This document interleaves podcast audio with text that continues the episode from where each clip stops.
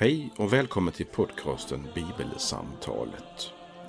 I den här podden ska vi försöka göra det som titeln utlovar, nämligen samtala om texter från Bibeln. Vår tanke är att varje vecka dela ett samtal om den text från något av evangelierna i Nya Testamentet som är särskilt aktuell den kommande söndagen. Fokus är just samtalet. Kanske kan det inspirera fler till att samtala om bibeltexter. Välkommen att vara med i samtalet på något sätt. Vi som gör den här podden det är Fredrik Borglin, kommunister i Istorps pastorat och Karl Magnus Adrian, präst bland annat tidigare i just Istorps pastorat.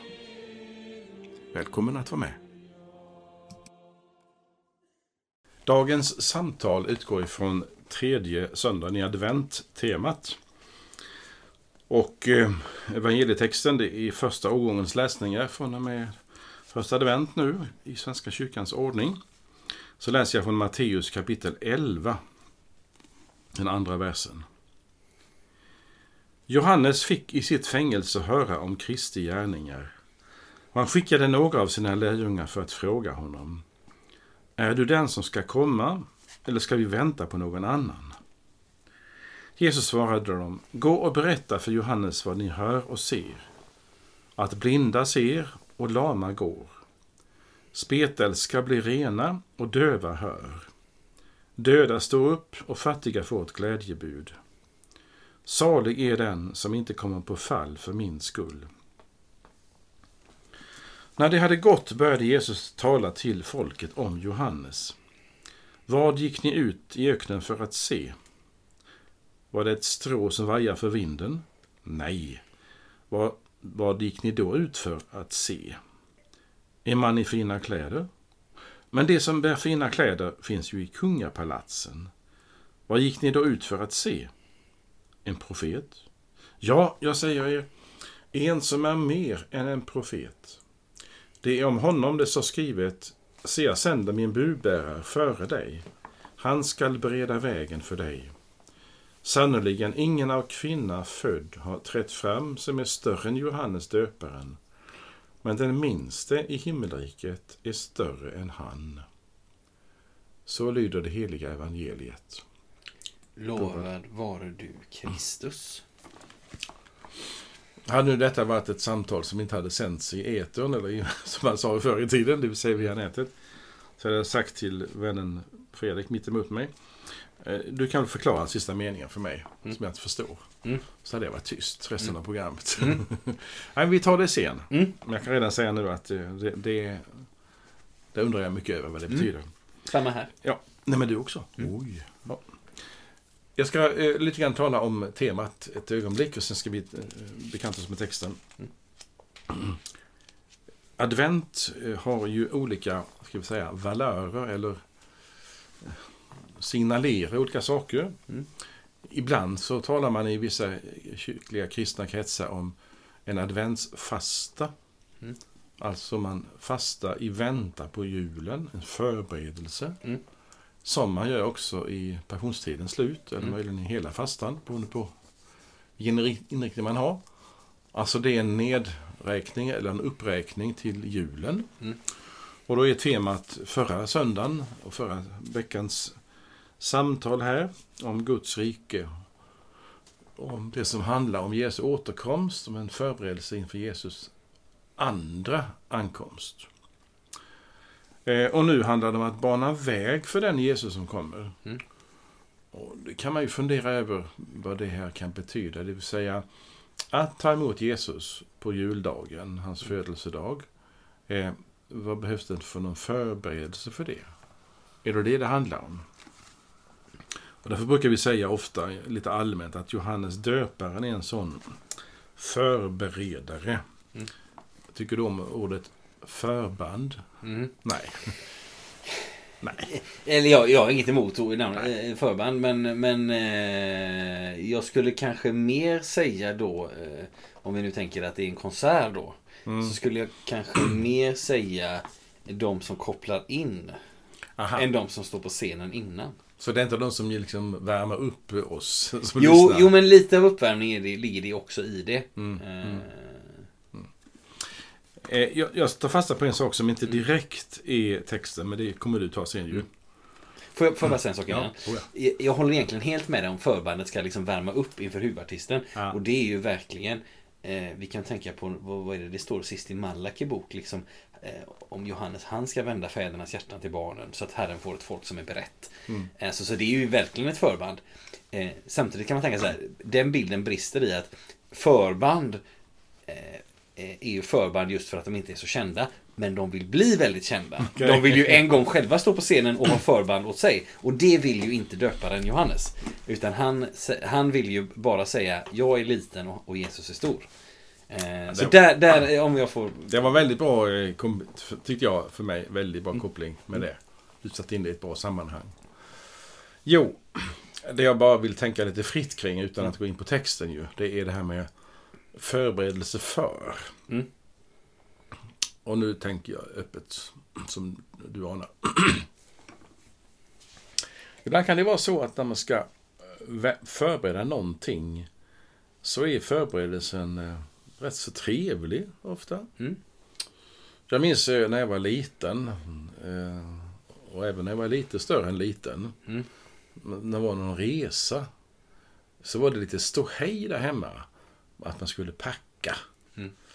Och vi var många syskon i mitt hem och när vi åkte flera stycken tillsammans på någon sommarsemester kanske. Så var det liksom, har du glömt det? Har du tagit med det och det och det och det och det? Och det, sådär. Mm. Och det var lite speciellt. Och sen satt man kanske där i bilen och var helt utpumpad för förberedelsen hade tagit som musten ur oss och sådär. Mm. Eh, men det var, det var också bra. Det är det ena eh, minnet. Det andra minnet som är mycket mer lugnt, det är inför julen och det har jag kanske sagt till dig någon gång Fredrik. Men det minns jag mycket levande fortfarande. När mina äldre syskon, systrar och min mor kanske förberedde vissa saker inför julafton. Mm. Och så var det väl så, tro, jag tror att det var så när jag var liten, att jag fick inte vara uppe så länge. Mm. Men de gjorde liksom förberedelser efter jag hade lagt mig. Mm.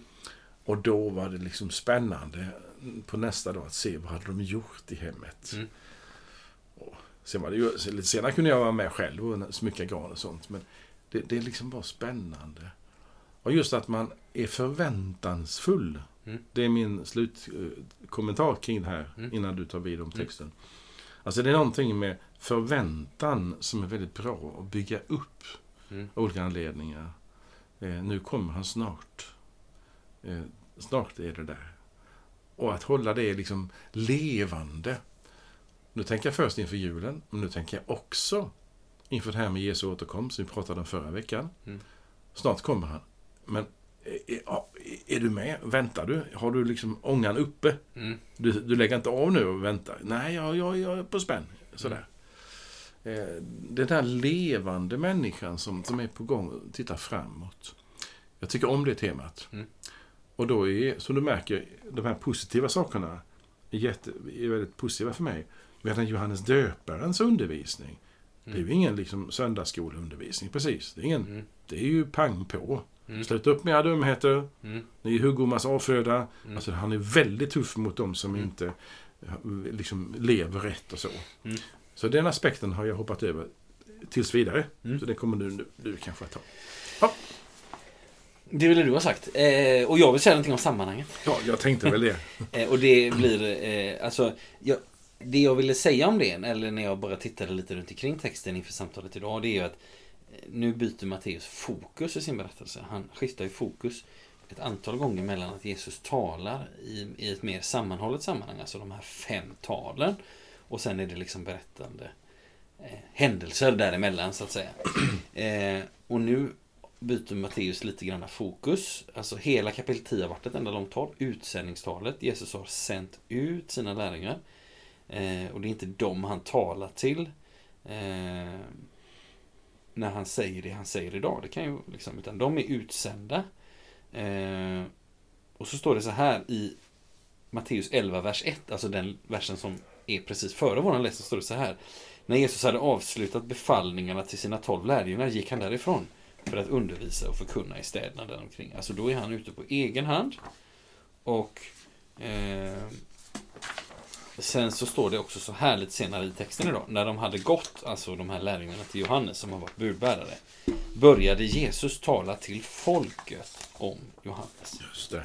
Eh, och det är det som vi landar i idag. Alltså det var bara en liten upptakt på, på texten vi går in i. Och sen så tycker jag det är intressant, och nu har vi lämnat sammanhanget eh, och gått in i texten. Eh, det är ju detta med, för du, du tog ju fasta på det Carl Magnus här, att eh, Johannes är ju rätt kärv. Eh, han är mycket tydlig. Eh, han är rakt på, han är liksom om man skulle göra en ljudeffekt liksom. Och så pekar jag med hela handen så här. Eh, men idag får vi ju en annan sida av Johannes. Vi får, tycker jag, se lite av Johannes tvivel här. Eh, alltså, ska man säga något om Johannes, han är ju Jesus släkting. Ibland säger man att han är Jesu kusin. Det kan vi ju inte belägga utifrån skriften. Men de är släktingar, för det säger ju ängeln Gabriel till Maria när hon får veta att hon ska föda Jesus. Att även din släkting Elisabet, som sades vara ofruktsam, i havande nu på sin ålderdom. Och Elisabet är ju alltså Johannes mamma. Eh, så de har ett släktskap. Eh, Johannes han står på tröskeln mellan det gamla och nya förbundet, gamla och nya testamentet. Eh, man kallar honom ibland den sista av profeterna. Och han skulle förbereda Jesu ankomst som vi har sagt. Och Jesus kan ju också bekräfta honom idag när han talar till folket. Han säger så här, det är om honom det står skrivet. Se, jag sänder min budbärare före dig. Han ska bereda vägen för dig. Och det är ju väldigt kraftfullt. Alltså Jesus har i Nasarets synagoga i Lukas 4 är det väl.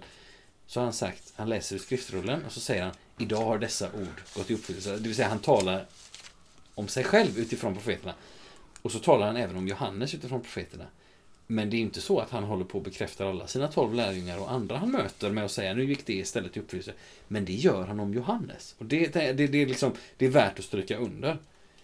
Eh, och så möter vi Johannes i texten idag som har hamnat i onåd hos Herodes, fursten, och så sitter han i fängelse och så tvivlar han. Tycker jag i någon mån. Det är utgångspunkten för hela avsnittet. Johannes skickar sina lärjungar till Jesus med en fråga. Är du den som ska komma? Eller ska vi vänta på någon annan? Det är... Ja, även han hade sina tvivel. Mm. Eh, eller kunde vara förmögen att tvivla. Mm. Som vi alla är. Eh, det var en liten detaljfråga som inte är viktigt. Men mm. när du sa det här sista att, att, om Johannes är det är den enda som Jesus, när han citerar skriften för att tala om mm. Johannes. Jag kanske får äta upp detta nu. Nej, nej. nej. Jag bara undrar, har du funderat på av vilken anledning gör han så?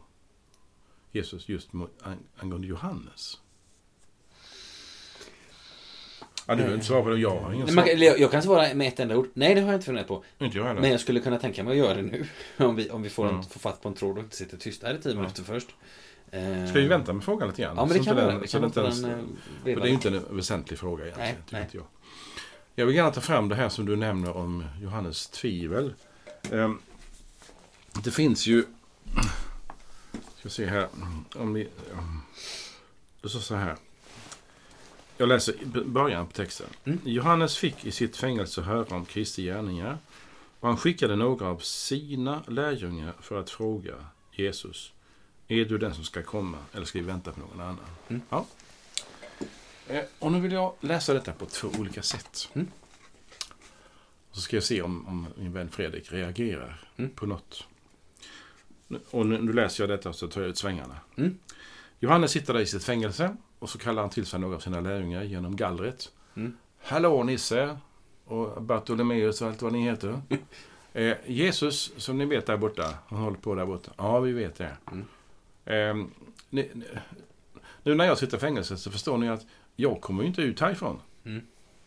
Nej, vad tråkigt att du inte gör det, säger då Nisse och vad mm. de nu heter. Mm. Vad tråkigt att du inte gör det. Nej, men förstår ni? Det, det är helt okej. Okay. Jag har gjort mitt. Mm. Men ni måste ta reda på själva nu om den här Jesus där borta.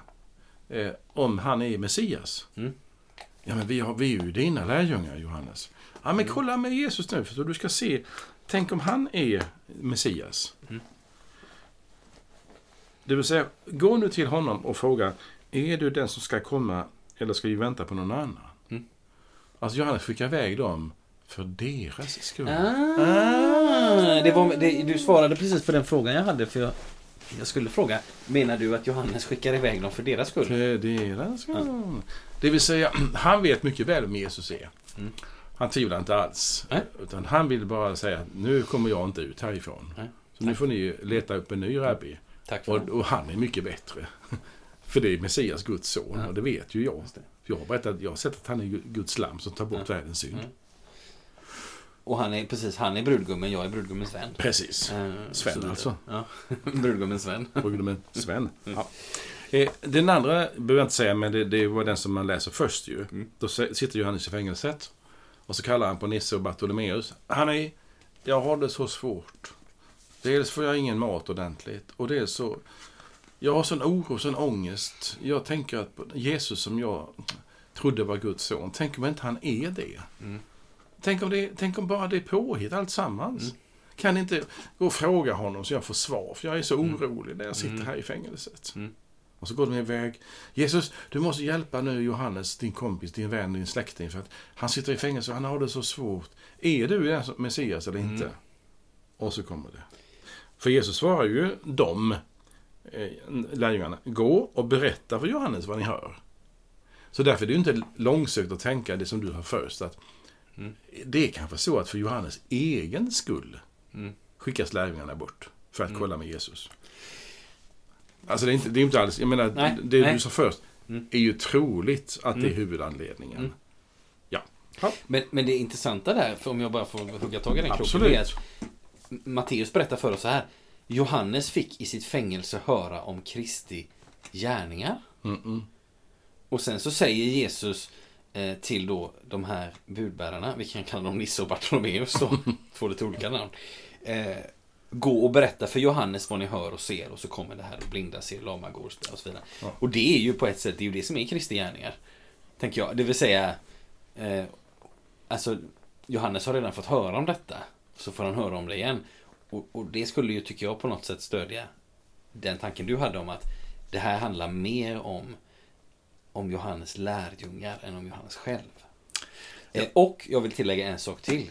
Eh, jag, eh, det, det, finns ett, eh, det finns en liten berättelse i Johannes 3 är det väl om hur eh, som mynnar ut i de här orden som jag tycker så mycket om. Han ska, där Johannes säger att om Jesus han ska bli större och jag mindre. Mm. Eh, och, då, och då börjar ju det med att Johannes lärjungar Det har varit diskussion om reningsbruken på något sätt. Och så, eh, och så, eh, och så går Johannes lärjungar till, till Johannes och säger eh, Här är han som du talade om, han som du döpte, han döper nu själv och alla går till honom.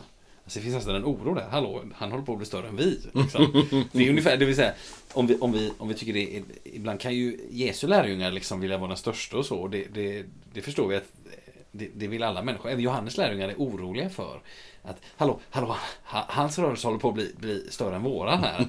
Och, och Johannes svar inledningsvis är ungefär det som sig bör. Eh, eh, ingen kan, kan ta sig något om man inte får det från himlen. Mm. Eh, så att, så att eh, och även i ljuset av den berättelsen som jag bara lyfte in här nu eh, tycker jag att det stödjer din tes om det här är framför allt för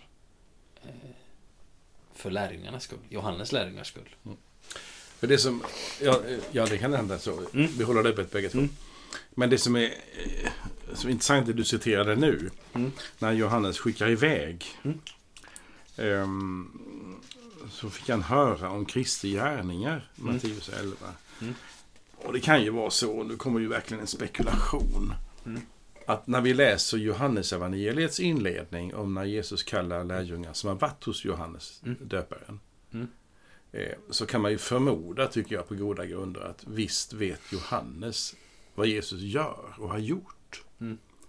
Han kan inte vara okunnig om att det har skett några under med Jesus och Nej. han har botat sjuka och sådär. Mm. Så, så att återigen, så det som lyssnar nu kan ju tänka att vi håller på att käbbla om någon, någon detalj. Mm. När vi säger bara att man kan, man kan läsa Bibeln, hålla öppet eh, två varianter och säga att det är, Mm. det är kanske 51 procent som, som mot tolkning att, att Johannes är lite tvi, tvivlande. Mm. Och 49 procent på att det är lärjungarna Mm. som ska få veta vem Jesus är. Men hur som helst, mm. Det, vi har inga aktier i, den här, i de här teserna. Nej, det, det har vi inte. Och det du säger nu tycker jag stryker under också att eh, den, här, den här saken, eller den, det här som vi pratar om nu med varför skickar Johannes bud till Jesus? Mm. Är det för hans egen skull eller för lärjungarna? Eh, så att säga, i någon mån eh, så är ju så att säga båda de här kan ju stå bredvid varandra. Det är bra. Eh, det vill säga Jesus, vi kan både få till oss att Johannes döparen, om han nu är den mest, så att säga, den profet som, som Jesus bejakar allra mest, om man nu får mm. säga så, utifrån att han mm. sätter in honom i ett gammalt, alltså han, han säger att han är den som Jesaja talar om och så vidare. Mm. Eh, det vill säga även den tvivlade människan blir bejakad av Jesus. Mm. Det är det ena. Men också det här eh, eh, Alltså även han får ha den rollen. Det, det, är, ju, det är ju den ena utkomsten av det. Eh, den andra utkomsten av det är ju då snarast att ja, men Jesus svarar på detta. Han, han möter oss där vi är. Alltså, eh, och då, det är båda två bibliska sanningar. Mm. så att säga. Att eh, tvivel får förekomma och Jesus möter oss där vi är. Så att säga. Ja, det var. Eh, sen, sen, skulle jag, om jag får lägga till en sak mitt i detta, är det okej? Okay?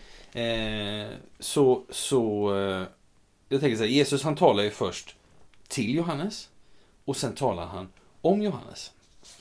Och eh, eh, jag sa förut, eller vi stannade till bara vid detta, att, att Johannes får höra om Kristi gärningar. Han får höra grejer på gång. Eh, han har ju också fått se, liksom hört Guds röst vid dopet och så vidare. Men han får höra om Kristi gärningar. Och sen så verkar det som att när Jesus då svarar så här, gå och berätta för Johannes vad de ser och hör. Eh, blinda ser, lama går och så vidare. Eh, då är det ungefär som att, jaha, var det bara mer av det Johannes redan hade hört? Eh, kunde han inte få något mer? Och då skulle jag bara vilja, bara vilja påpeka att Johannes får något mer. För eh, Alltså Jesus svar till Johannes det är både en hänvisning till vad som sker rent faktiskt i Jesu tjänst bland människor. Ja, så här är det. Dövas öron öppnas, blinda ser eh, och så vidare. och så vidare. Det är precis detta som sker just nu. Oberoende av vad som har eh, sagts innan eller skrivits av profeter eller så. Eh, men det är lika mycket en hänvisning till profetiska texter i Gamla Testamentet som talar om vad är det som kommer när Gud på nytt griper in i sin skapelse. Eh, vi kan ta ett exempel. Jesaja 35 står det så här. Då ska de blindas ögon öppnas och de dövas öron höra. Då ska den lame hoppa som en hjort och den stumme brista ut i jubel. Vatten bryter fram i öknen, bäckar i ödemarken. Alltså, det är inte bara, det här är inte bara, ja men hallå, jag påminner dig lite om hur mycket under jag kan göra, utan, uh, uh, kom ihåg, nu hänvisar jag till något som profeten har sagt. Alltså det, så det är mer än en, alltså det är, det är ett dubbelt budskap, eller tvåfaldigt budskap skulle jag säga. Precis det var jag i mina tankar när du var ja, roligt. Ja. Jag vill ta fasta på det igen mm. och bara citera eller återberätta inledningen på det här stället hos Jesaja 35. Mm. Eh, det finns ju ingen kapitelindelning på Jesu tid utan att han säger ju Jesaja. Mm. Eller inte säger, det är väl mm. ja, eh, profeten. Och så vet ju alla vad det som, som står mm. där. Och det här, det här inleds med orden, nu, nu tar jag det med lite fri översättning. Så här, Gud kommer till er med hämnd och vedergällning. Jag börjar med de orden. Det handlar ju mot det onda. Alltså, mm. På vanligt svenska, som jag tänker just i ögonblicket. När Gud kommer och sätter djävulen på plats, eller när, när det onda förvisas ifrån mm. makten, det vill säga Jesus kommer nu besegra döden, som är djävulens makt. Alltså när mm. Gud kommer med frälsning, så står det sen, eh, han kommer, Gud alltså, själv och frälser er. Det som du sa nyss. Mm. Och precis efter det kommer, då ska blindas ögon öppnas. Mm. Alltså, på, då tänkte man nog så här på Jesu tid. Och nu kommer den tolkning som är förmodas är riktig. Vi får se. När Gud kommer till oss, eller kom, Jesaja lever på 700-talet före Kristus, och så talar om när Gud kommer påtagligt, nära, kanske som Messias förväntningar på Jesu tid. Mm. finns det något kännetecken på det? Mm. Alltså kan man förstå när Gud kommer nära? Ja, säger Jesus, säger Jesaja. Eh, När Gud kommer nära med frälsning och räddning, då ska blinda kunna se och döva kunna höra och lama ska kunna hoppa. Mm. Oj, oj, oj. Och nu händer det. Aha, då händer det. Men sen är det så att man förstår problemet också på Jesu tid. För att om nu de här orden jag läste precis nu Mm. eh, besannas, Mm. att fris, sjuka blir friska. Mm. Så står det direkt efter det, när Jesus när, slutar citatet där. Ja. Så står det så här. Eh, Vatten ska bryta fram i öknen, strömmar på hedmarken. Av förbränt land ska det bli sjö. Där ökenhundar vilade sig ska det växa gräs och så vidare.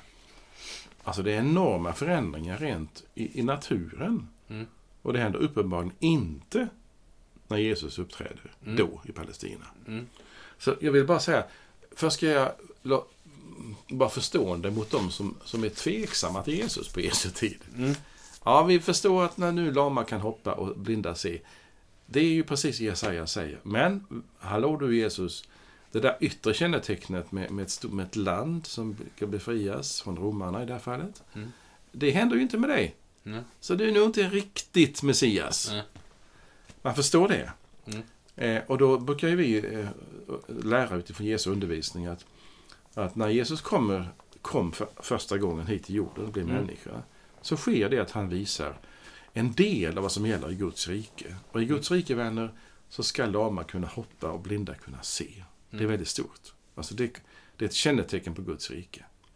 Och det ska också bli så att världen ska bli förnyad, öken ska bli bördigt och så vidare. och så vidare. Men det kommer vid Jesu andra återkomst. Mm. När Gud ska skapa nya himlar och ny jord. Alltså, de profetiska texterna talar om två tidsperspektiv. Dels när Jesus kom första gången Mm. och när Jesus kom andra gången. Det vet ju vi som har Nya Testamentet med oss. Men på Jesu tid förstod man ju inte det. Nej. Utan det var det ju bara det att ja, men Jesus, det är bara en sak som stämmer med dig och det är att du kan bota sjuka. Men du kan inte göra öknen till, till bördig mark. Nej, skulle Jesus kunna ha sagt, fast det står inte i Bibeln. Det kommer att ske vid min andra återkomst. Mm. Nej, eller min återkomst när jag kommer tillbaka en gång. Det vi pratade om förra veckan i vår studie. Jag ska först testa. Förstår du vad jag vill komma fram till? Mm, jag tror det. Eller ska jag ta det igen? Mm, ja, säg det en gång till. Mycket sammanfattat så här.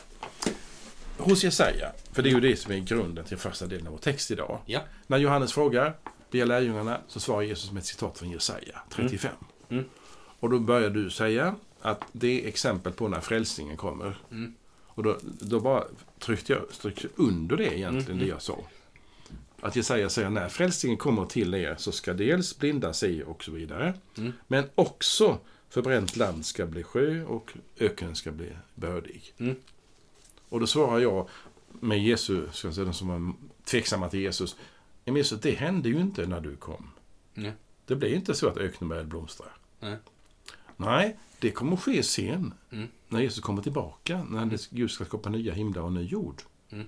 Då ska eh, den andra delen av Jesaja-profetian gå i uppfyllelse. Mm. Alltså två uppfyllelser. Mm. Det är min lilla tes. Mm.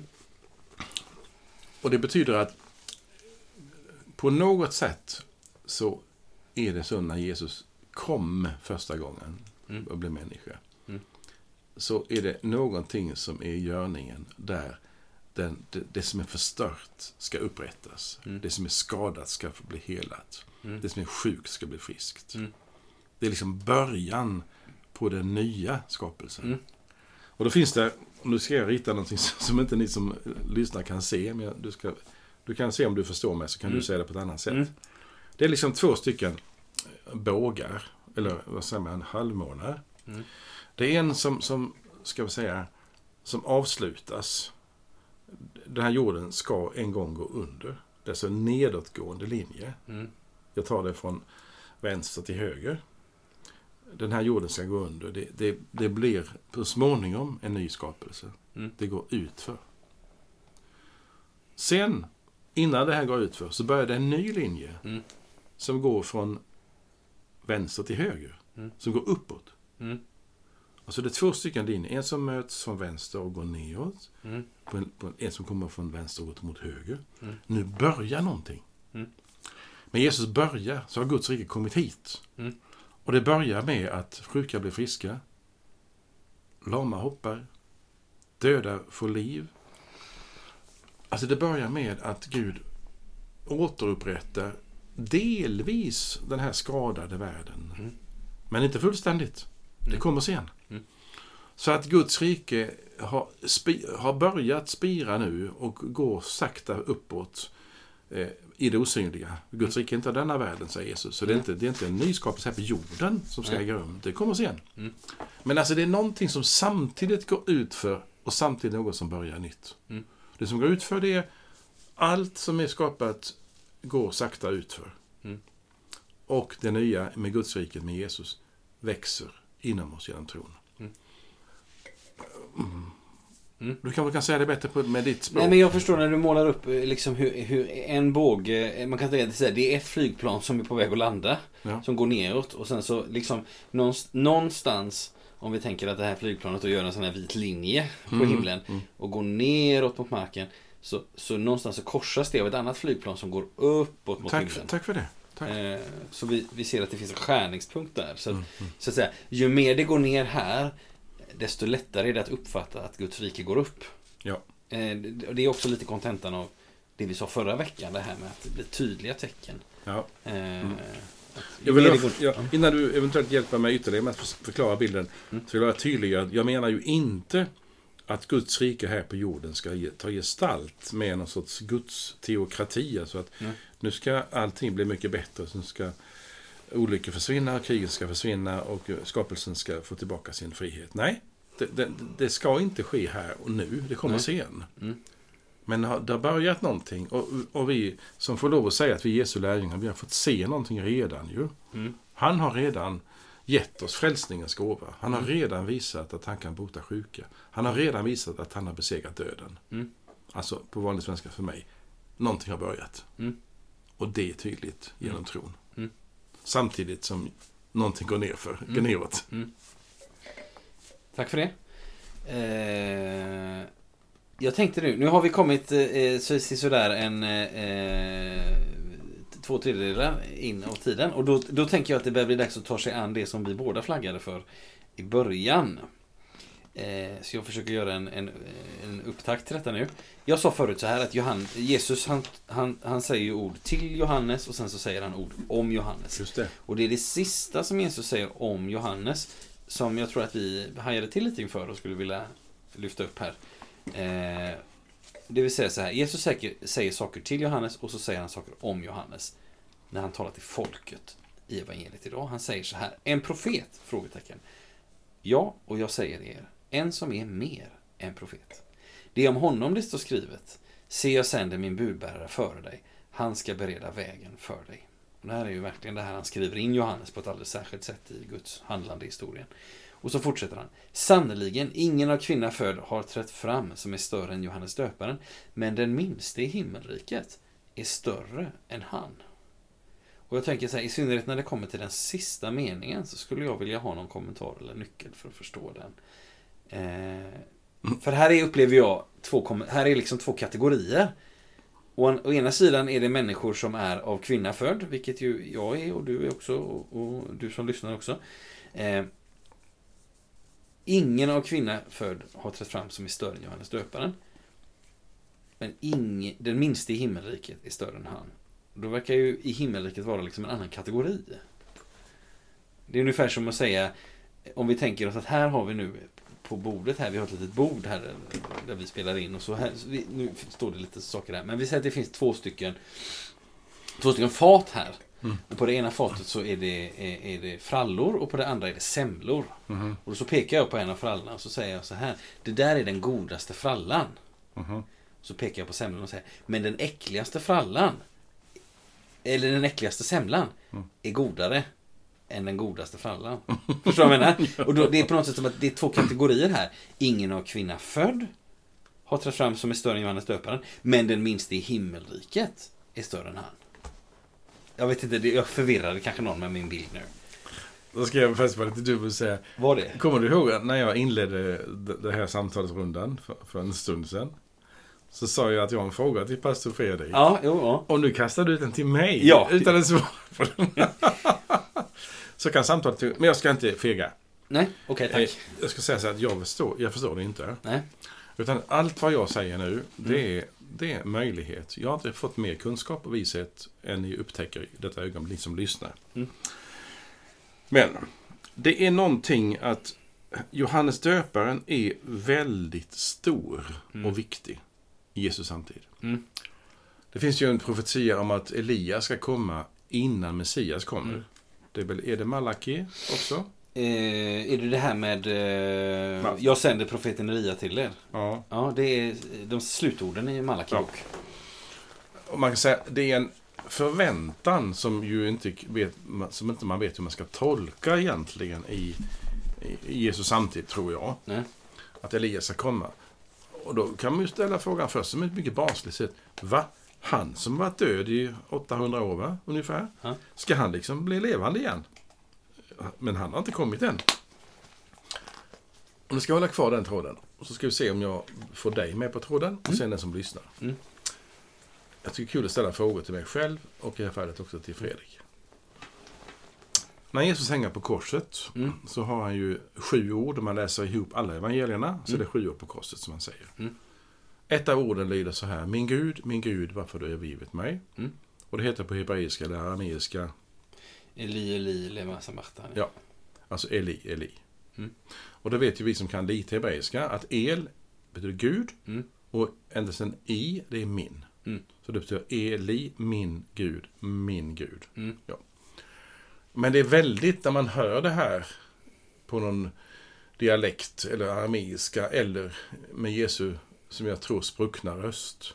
Mm. Så säger Jesu fiender, han ropar ju på Elia, hör ni det? Mm. Mm. Han ropar Elia, Elia, Elia. Så. Mm. så.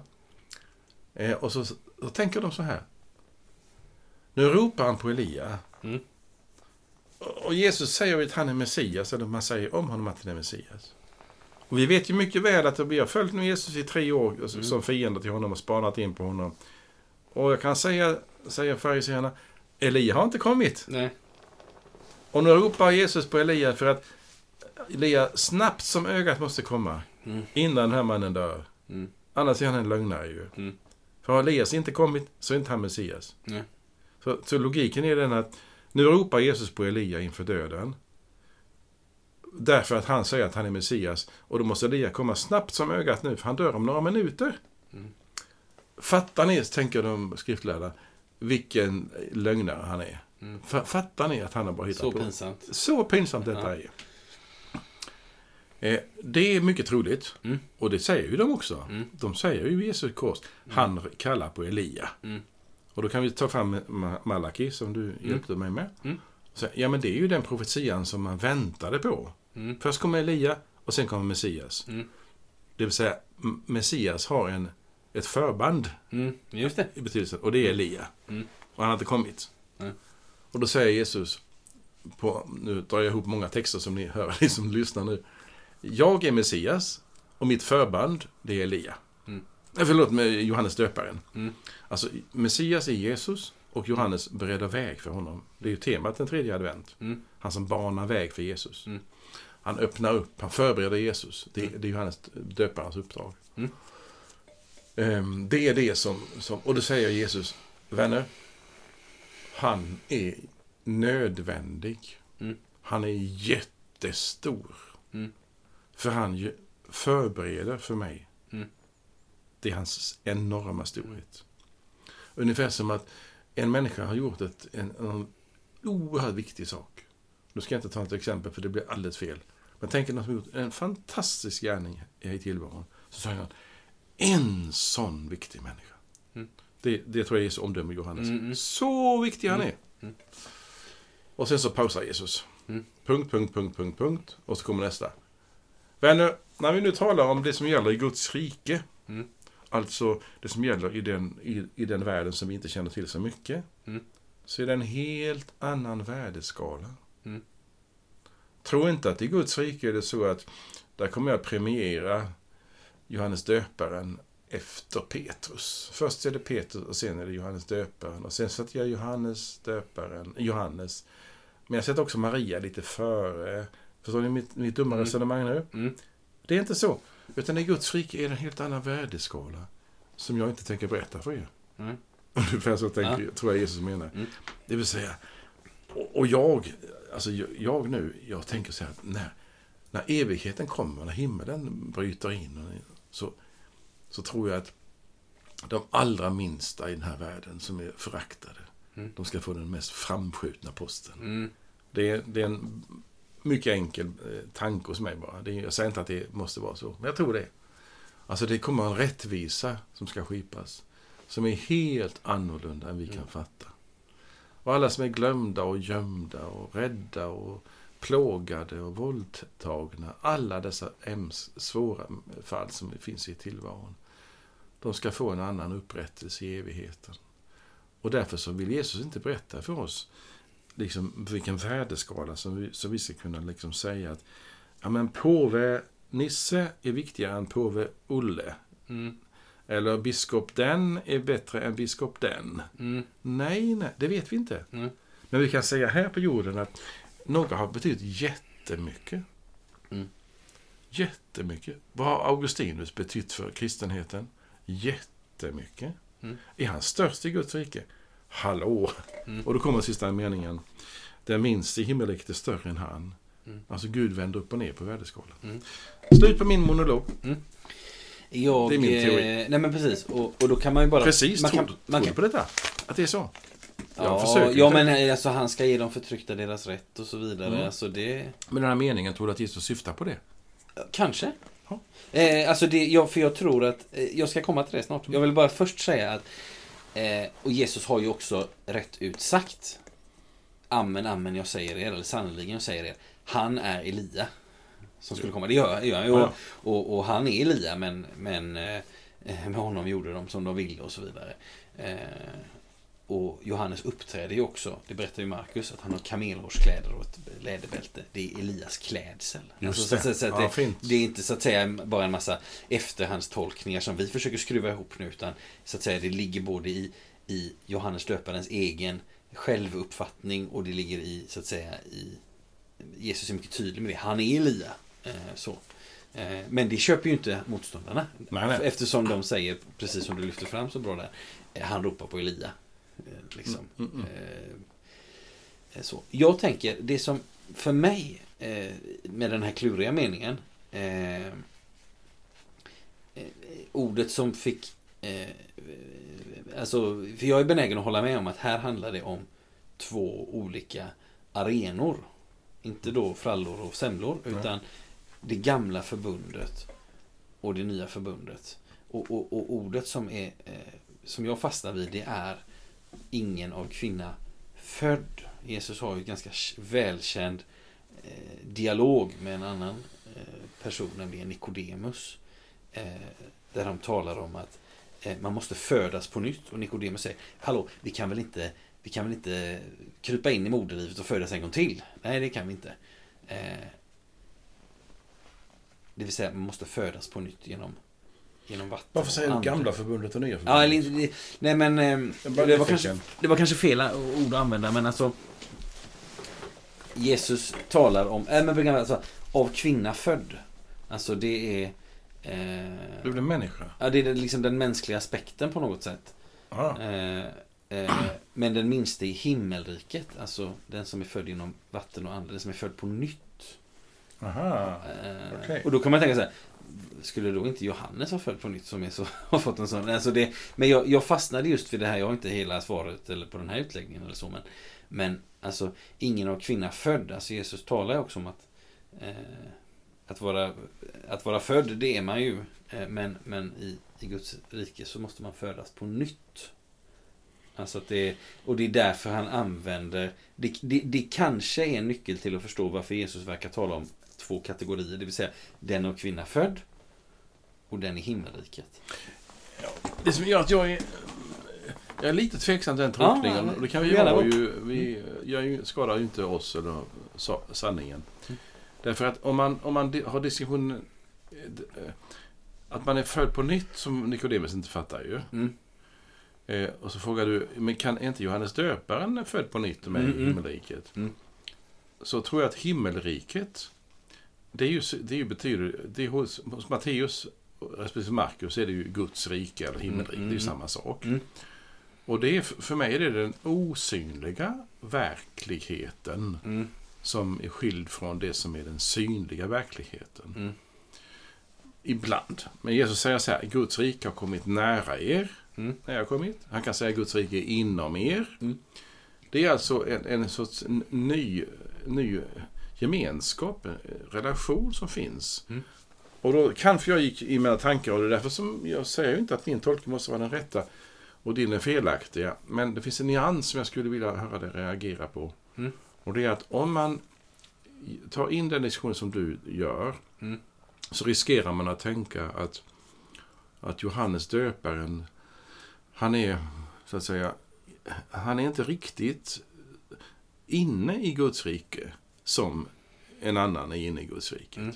Och det är det jag vill komma ifrån. Mm. Ja, det, och det förstår jag att du vill komma ifrån. Ja, ja. Och, eh, och det var inte eh, liksom... Nej, det, det- när du lyfter fram det så här så... Ja, nej, men det, det, det, är ingen ologisk slutsats du Nej. drar. Nej. Inte alls. Och jag vill försöka tänka, vilket du också sa, Mm. att på mänskligt plan, Mm. planhalva, Mm. där kan vi värdera betydelser. Mm. Och det, jag tycker inte det är fel att säga att. Johannes har en jätteroll. Mm. Augustinus i kyrkans historia har en jätteroll, för att ta Mm. två exempel. Mm. Men vi har därmed inte på något vis eh, avsagt det som vi får inte göra det heller. Mm. Hur värderar, hur, hur ser det ut i himmelriket? I himmelen, om vi Ja. så. Ja. Jo, den eh, värdeskala, eller, det lämnar vi till Gud. Mm. Jag har ingen aning. Nej. Och då tog jag som exempel att, att tänk om, jag tagit det förr i det här samtalet på det tror jag, men jag, jag har sagt det till dig, att du sitter, vi sitter där nere vid entrén till himmel, vi har kommit in innanför Mm. dörren. Mm. Och så kommer då en person som är eh, skadad, Mm. var skadad på jorden Mm. och fr- fruktansvärt misshandlad. Och bara när vi ser den här personen så säger vi, och måtte han få en plats långt fram. Mm. Eller hur? Mm. Vi vill ju på alla sätt lyfta fram honom eller henne. Mm. Och vi kan säga, vi kan gärna sitta längst ner. Mm. Bara för han kommer långt fram. Alltså det sker någonting nytt. Det sker, någon, Mm. ska vi säga någon placering utifrån en, en rättvis bedömning. Mm. Att ni har fått allt gott här på jorden, men de har inte fått det. Så saliga är de som sörjer och så, Mm. och så vidare. Det finns en rättvisa som sker i himmelen. Mm. Man kommer inte in i himmelen på grund av goda gärningar, det vet vi. Men, men det finns också någonting i himmelen där man, där man upprättas. Mm. Och då tror jag att Jesus menar, så försvarar jag min tes, märker du det? Mm. Ja, det får du göra. Ja, ingen jag- fara. Ja, alltså att, att Johannes döparen på jorden Mm. som, som levande Mm. är gigantisk. Mm. Men diskutera inte hans plats i himmelriket, för det, är, det har Gud koll på. Mm. Vi får inte göra någon bedömning. Nej. Vad tror du? Ja, jo, nej men alltså att det, att det är två helt olika kategorier här som Jesus liksom binder samman på något sätt. Mm. Det tycker jag är ganska tydligt. Ja. Alltså när han använder de här, av kvinna född, slash, eller å andra sidan, i himmelriket. Så att han, det här är ju någonting, han, han, han, han drar ju någon slags ganska tydlig gräns, eller väldigt tydlig gräns mellan här är det si och där är det så. Eller här är det si och det kan jag bejaka att Johannes är stor. Han är större än alla av kvinna födda, inklusive Fredrik Borlin. Om jag får ingå i jämförelsen. Men som du säger, men den minsta himmelriket är större än han. För det är, det är en helt annan värdeskala, det är ett helt annat sammanhang. Tack. Det är en helt annan värld och tillvaro. Du får sista ordet med det. Eh, jag vill eh, säga hej och önska dig som har lyssnat Guds välsignelse. Och får väl säga det vi brukar säga som avslutning. Mm. Hej då. Hej då!